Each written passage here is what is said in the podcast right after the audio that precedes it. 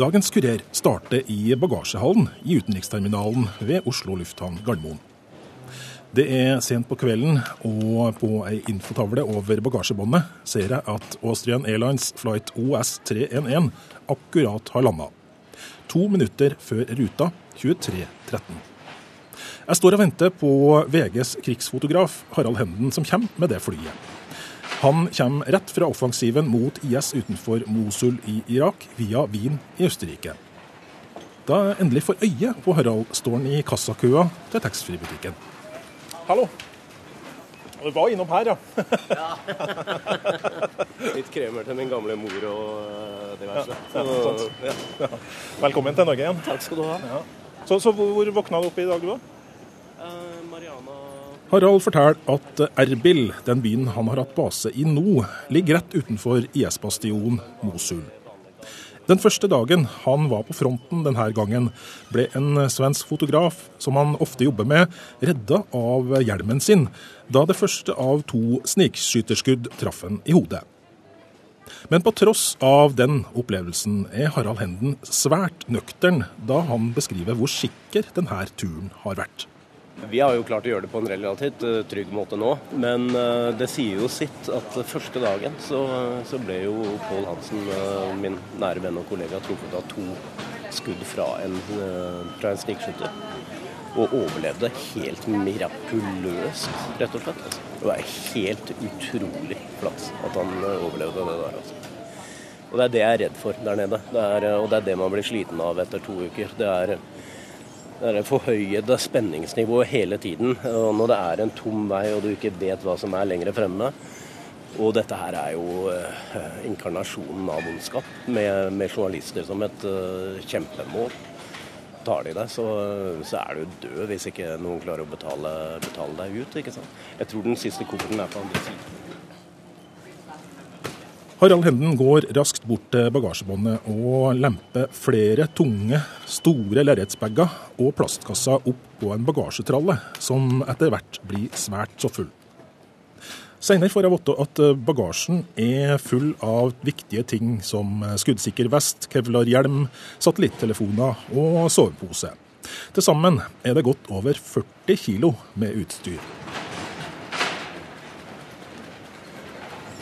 Men det aller viktigste han har med seg, fotoutstyret, kommer ikke på bagasjebåndet. Det har Harald i en stor, svart sekk på ryggen. Et langt liv som krigsfotograf har lært han at han ikke kan stole så mye på flyselskapene.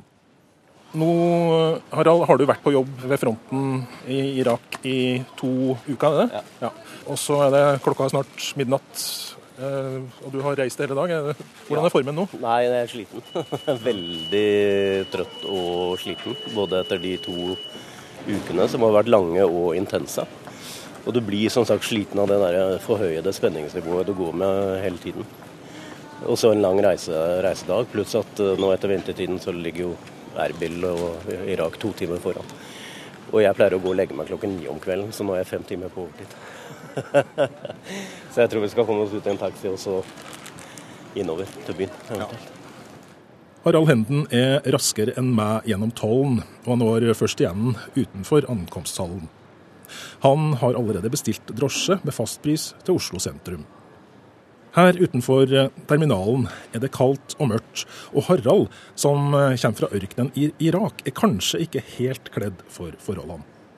Han har på seg en svart bandana på hodet og har lyse kakifarga klær med mange lommer. Han ser rett og slett ut som det han er, en pressefotograf. Det småregner, men eh, drosjen, en stasjonsvogn med god plass til bagasje, kommer fort. Det var Majorstua, det. Da vi setter oss i baksetet, spør drosjesjåføren etter bestillingskvitteringa, som Harald sliter med å finne i alle lommene. Men eh, det er ikke så farlig, og vi begynner å kjøre sørover mot Oslo. Jeg ser om jeg finner den når vi går ut. Nei, men det går Ok.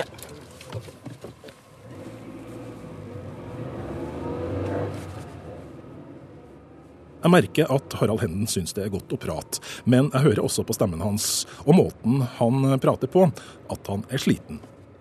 To uker ved fronten der irakiske og kurdiske styrker kjemper mot IS, har satt sine spor.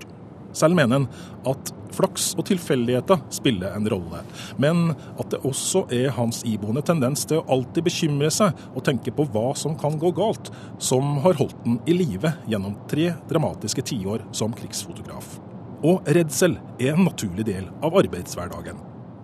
For det er eh, den som sier at man ikke er redd i enkelte av de situasjonene man, uh, man opplever, de lyver, rett og slett. altså den, den frykten eller, den, den, kan ikke gjøre deg handlingslammet eller gjøre at du får panikk. Den eh, må gjøre at man skjerper seg og blir enda mer eh, forsiktig. Og at du bruker den til noe positivt, rett og slett. Men er det ikke en sikkerhet å gå rundt med en eh, skuddsikker vest som det står 'press' på? Nei, tvert imot. Der nede, hvis vi hadde begynt å komme enda nærmere, så hadde jeg tatt av presseskiltene på vesten. Harald Henden forteller at det som sliter aller mest når han er ute på jobb, er det å være på vakt overfor potensielle farer. Han forteller hvordan han eh, hele tiden ser etter farer som veibomber, snikskyttere og bombekasternedslag når han er ute og kjører ved fronten. Nå som eh, vi kjører i en drosje på motorveien sørover mot Oslo, sitter denne frykten og årvåkenheten enda i. Noen ganger kan det ta lang tid før krigen helt slipper taket. Eh, sånn som i 2003, da jeg hadde vært borte i tre måneder uh, i Irak under krigen, så satt de lenge. Og, da, det, og det, var særlig eh, snikskytterposisjoner, rett og slett. Altså, som jeg følte meg liksom Du går rundt og føler deg usikker eh, hjemme i din egen by når du kommer hjem også. Um, jeg husker det var da, Den gangen så bodde jeg ved Bislett og kunne se rett over på en, på en pipe, en, en, høy sånn skorstein på andre siden av, av, av Bislett, en sånn frittstående. Det var den ideelle sniperplattformen, rett og slett. Og det var ubehagelig å se på den fra mitt eget stuevindu. Så, så det, det, kan ta litt tid før du er helt nede igjen og begynner å, å komme inn i en normal, uh, normal gange. Du lever jo av å ta bilde av uh, krig, uh, naturkatastrofer, dramatiske hendelser rundt omkring i verden. Er det mulig for deg å gjengi hva krig egentlig er gjennom det mediet? Nei, det, det er vanskelig. Jeg gjør så godt jeg kan. Men vi har jo noen andre sanser enn synet. Så ditt medium vil jo få, få lyden. Uh, som kan være veldig intens, uh, og som er veldig skremmende. Og så har du luktesansen, som er den, kanskje den sterkeste sansen vi har. Og hvis du først har kjent lukten av død, eller og da spesielt gammel død, så glemmer du det aldri. Ikke i det hele tatt. Samtidig så er det uh, så brutalt det moderne våpen gjør med en menneskekropp, at det kan være vanskelig å vise det. Uh, rent etisk, rett og slett. Uh, det må være en grunn til det. Jeg mener at alt bør dokumenteres, uansett. men helst på en måte som gjør at, at, det har i hvert fall vært en rettesnor for meg. At jeg prøver å ikke ta fra de menneskene jeg fotograferer, verdigheten. Enten de er i live eller eller i døden, hvis jeg kan, kan unngå det. Og da må man behandle de menneskene deretter, rett og slett. Slik at jeg kan se meg selv i speilet hver morgen og ikke mislike sterkt det jeg eventuelt ser der. Mens vi sitter og prater, tenker jeg på hvor vanskelig det er å forstå hvor tøff jobben til Harald Henden egentlig er. Han utsetter seg selv for livsfare, og må takle krigens rå og ubarmhjertige realiteter på nært hold. Hvorfor har han likevel hatt denne jobben i 30 år?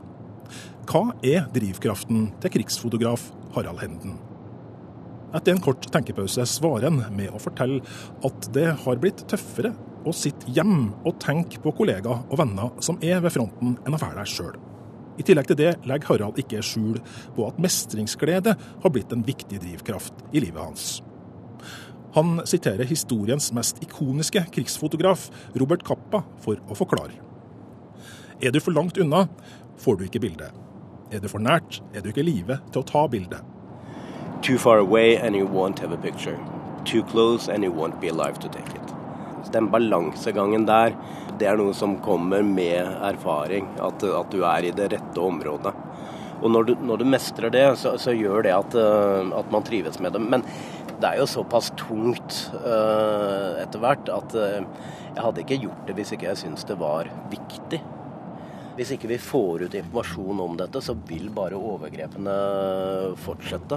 Soldater mot sivile, sivile mot andre sivile.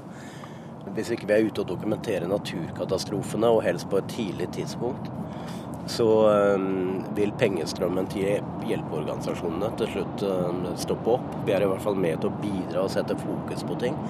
Det er ting jeg syns er viktig, og jeg har vært så heldig å få lov til å arbeide med det i, i snart uh, 30 år. Og det er jeg veldig, veldig takknemlig for uh, også, rett og slett. Krig, død og nød setter selvsagt spor i mennesker, også hos en erfaren krigsfotograf. En av de tingene han syns er vanskelig, er å få skryt på jobb etter å ha tatt i gåsetegn fine bilder av mennesker i ytterste nød. Jeg syns det skal være vanskelig. Jeg er glad for at jeg syns det av og til er vanskelig. For det betyr at gjennom alle disse årene så har jeg i hvert fall ikke mistet min eh, menneskelighet eller humanisme oppi det hele. Går det an å bli vant til krig og elendighet? Ja, det går an å venne seg til det, bortsett fra akkurat eh, det er lukten som jeg snakket om, som setter ut de fleste. Men du kan venne deg til eh, å se døde kropper. Du kan velge deg til å leve med det forhøyede spenningsnivået over ganske lang tid, men før eller siden så blir du jo, du blir jo sliten av det til slutt. Det er slettes ikke vanskelig å merke at det er et følelsesmessig tema når Harald kommer inn på de sosiale ofrene han har måttet ha gjort pga. jobben. Han forteller at han syns det er trist at det har blitt så vanskelig å ta vare på gode venner pga. det flyktige og uforutsigbare livet som arbeidet hans har gitt. Og nå innser han også at han har bodd alene i store deler av livet pga. nettopp yrket. I en alder av 56 år har han forstått at han trolig aldri vil oppleve det å bli far, og han er helt åpen på at det er tøft. Og det føler jeg jo på nå at det, det, er, en, det er, en, sorg som, som, som, ligger der, på en måte. Uh, som jeg ikke trodde jeg noen gang skulle, skulle føle. Men jeg, jeg, kjenner litt på, på, akkurat det savnet. Så hadde jeg, hadde jeg i dag hatt en, en samboer og fått en liten datter, uh, f.eks., så, så kunne jeg nok ha klart å, å gjøre noe helt annet. Det hadde jeg da. Det, dette livet har jeg hatt så lenge nå. Uh, og Eh, jeg føler ikke at jeg har så veldig mye mer å bevise heller. Nå, nå er vi jo på vei til leiligheten din. Du skal snart få lov til å sove. Men eh, er du egentlig glad for at eh, det er en tom leilighet du kommer til, eller det, hadde det vært bedre å ha noen der? Ja, det, er, det er faktisk litt opp og ned.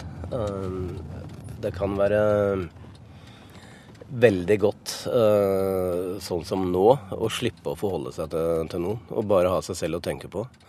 Uh, I en annen situasjon komme hjem en mørk uh, høstdag i november med regnet silende ned og temperaturen skrudd ned til eh, ti uh, grader eller noe sånt i leiligheten. Da hadde det vært veldig greit å, å hatt noen der. Krigsfotografen har opplevd mye traumatisk i løpet av sin karriere.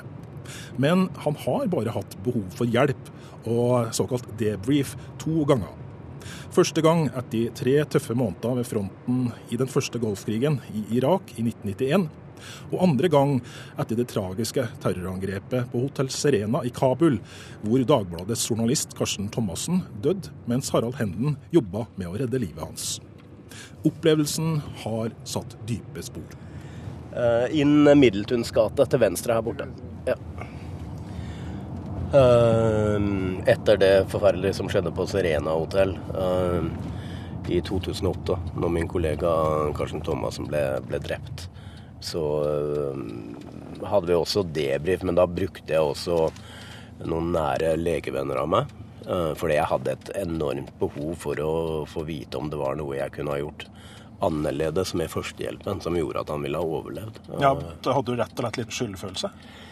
Um, jeg lurte i hvert fall veldig om, om, det var noe, og jeg skulle så inderlig ønske at vi hadde fått han ut på et tidligere tidspunkt.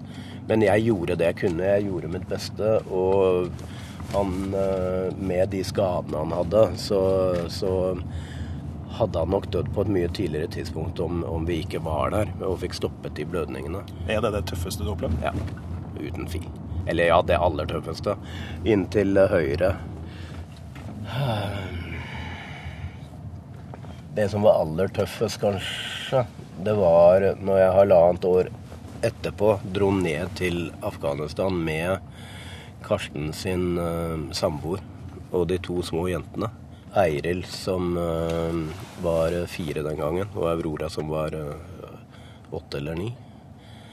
Og da sitte på samme stedet med en fire år gammel jente foran seg og forklare at det var her pappa var syk, det var det aller tøffeste. Da, det, er det, det tror jeg er det nærmeste jeg har vært ved å bryte sammen, rett og slett, akkurat der og da. ja, takk skal du ha. Jeg tar det kort, og så må jeg få en regn. Jeg klarer ikke helt å riste av meg følelsen av at Harald Henden er letta for at vi har kommet fram til inngangsdøra til leiligheten hans på Majorstua akkurat nå. Det at han må betale drosjesjåføren, blir et naturlig punktum for det vanskelige temaet. Og bare noen få øyeblikk senere, når vi har fått lasta ut de tunge bagene og kassene foran inngangsdøra hans, er latteren tilbake. Han er litt oppgitt over at han ikke helt klarer å huske koden til inngangsdøra med en gang. To uker så har jeg, har jeg glemt koden, eller har jeg bare blitt helt blind? Jeg er kommet. da ses vi. Ja, du får ha god natt. Du også.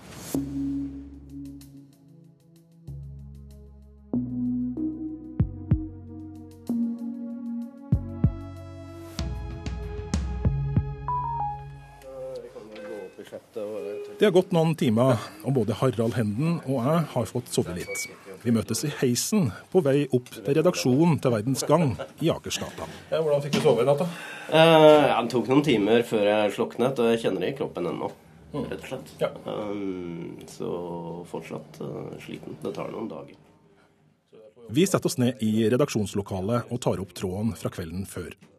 Harald Henden begynner å fortelle om oppveksten i Porsgrunn og etter hvert Bergen.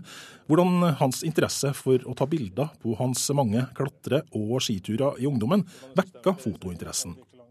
Og det var behovet for å finansiere en klatreekspedisjon til Himalaya i 1987 som førte til at han tok sin aller første fotojobb i en redaksjon i studentavisa i Bergen. Og Derfra ble han først plukka opp av lokale aviser, før han via et opphold i Dagbladet til slutt endte opp som fotograf i Verdens Gang. Og der har han blitt siden det. Når han begynner å prate om sitt første fotoapparat, et billig Nikormat-kamera som han kjøpte av en klatrekamerat, og starten av karrieren, tyter engasjementet for fotografering, og ikke minst nostalgien, fram hos den erfarne fotografen. Den gangen så var det jo en egen, egen duft av dette fotoutstyret, eh, som man liksom ikke opplever, eh, opplever i dag. Eh, så for meg så var det jo Nå er jo alt blitt digitalisert, men, men min interesse lå jo i, i selve håndverket. Så nå er det egentlig ganske enkelt, er det? Ja, det ligger jo fortsatt i, i bunn, det, det å ta, ta bildene. Utstyret er et helt annet. Og det er ikke lenger slik at, eh, at en eh, konflikt har veldig store, brede fronter. Det kan være to eller tre kvartaler. Veldig geografisk begrenset område der tingene skjer. Så det som gjelder, det er å være på det stedet på en så sikker måte som mulig. Når du først er der, så ligger jo gjerne motivene helt opp i dagen. Det er fortsatt vanskelig å ta et effektivt fotografi i de situasjonene, fordi sansene dine blir ganske bombardert av inntrykk. Eh, og samtidig skal du også kontrollere den eventuelle frykten du, du føler. Eh, så det er jo en viktig, viktig del av det. Når eh, var det du for første gang ble øyenvitne til, til krig? Hva var første konflikten du måtte reise ut på? Den, den, den, første konflikten var Afghanistan. Um, um, etter denne klatreekspedisjonen i 1987 så uh, dro vi som var der, uh, til Peshawar i, i, i Pakistan. Det var, det var, tre leger av de seks klatrerne på denne ekspedisjonen, så vi dro opp og ga blod på Røde Kors-sykehuset i Peshawar. Og da ble jeg interessert i, i den konflikten. Så um, halvannet år senere så dro jeg ned som, uh, som frilanser og hadde en, en, kort tur inn i Afghanistan da, når mujahedin-gruppene hadde klart å samle seg og gikk til en offensiv. Um, så det, det, var, det var første gangen. Det kom ikke mye ut av det. Helt uerfaren, overveldet på mange måter. Men det, det, var, det var første gangen tiden, tiden stemte uh, på, på, et eller annet vis. Men uh, det, det, det, har aldri vært sånn at jeg har hatt noe brennende ønske om å bli krigsfotograf uh, fra, fra, tenårene. Jeg, jeg, husker den frykten jeg hadde for en krig, og ikke minst for en atomkrig. Og livredd for, som alle barn selvfølgelig vil være, men livredd spesielt for at noe skulle skje med min mor. Jeg, jeg, jeg husker den frykten fortsatt. Så det at jeg da etter, etter mange år har tilbrakt uh, de siste 30 årene jevnlig å dekke krig, det, det, er ikke noe jeg hadde forestilt meg i det hele tatt. Men når det er sagt, så, så er jeg jo veldig glad for at jeg har fått muligheten til å gjøre det. Eh, fordi jeg ser på det som, som et viktig uh, arbeid. Hvis ikke hadde jeg ikke orket i, i, alle disse årene. Jeg eh, ønsker jo å vise hva som faktisk foregår der ute. Så det er jo min stemme, på, på sett og vis kanskje innimellom også min protest i forhold til hva folk kan gjøre mot hverandre. Det er en viktig motivasjon. Ingen tvil om. Harald Henden er sjøl tydelig på at den kanskje viktigste årsaken til at han faktisk klarer å takle det tøffe yrket han har, er vissheten om at han eh, kan utgjøre en forskjell. I 1998 bidro hans bilder fra den forferdelige sultkatastrofen i Sør-Sudan til at hjelpeorganisasjonene her hjemme i Norge fikk oppretta konto nummer én, som igjen førte til at det kom inn mye penger til livreddende nødhjelp. Av og til så hjelper det faktisk, det vi gjør det er godt. For det er helt uh, utrolig hvor maktesløs man kjenner seg uh, som i den situasjonen, og et lite barn trekker sitt siste pust og sulter i hjel på morens fang. Og moren bare bryter fullstendig sammen i etterkant. Uh, jeg har bare det kameraet. Jeg, jeg, har ikke kompetanse medisinsk sett til å, til å gi næring intravenøst eller, eller andre ting. Jeg kan bare gjøre det jeg kan med det kameraet. Og, og den maktesløsheten, den, den, den, kan være ganske for, forferdelig. Og, og, da er det godt å ha det i bakhodet at jo, det kan, det kan faktisk være viktig det arbeidet jeg gjør med kamera også. Nå har jeg kalt deg krigsfotograf i den tida vi har prata sammen. Er det en tittel som du liker, eller er er litt misvisende? For du gjør jo andre ting òg? Ja, det er, det, er jo, det er, jo, misvisende.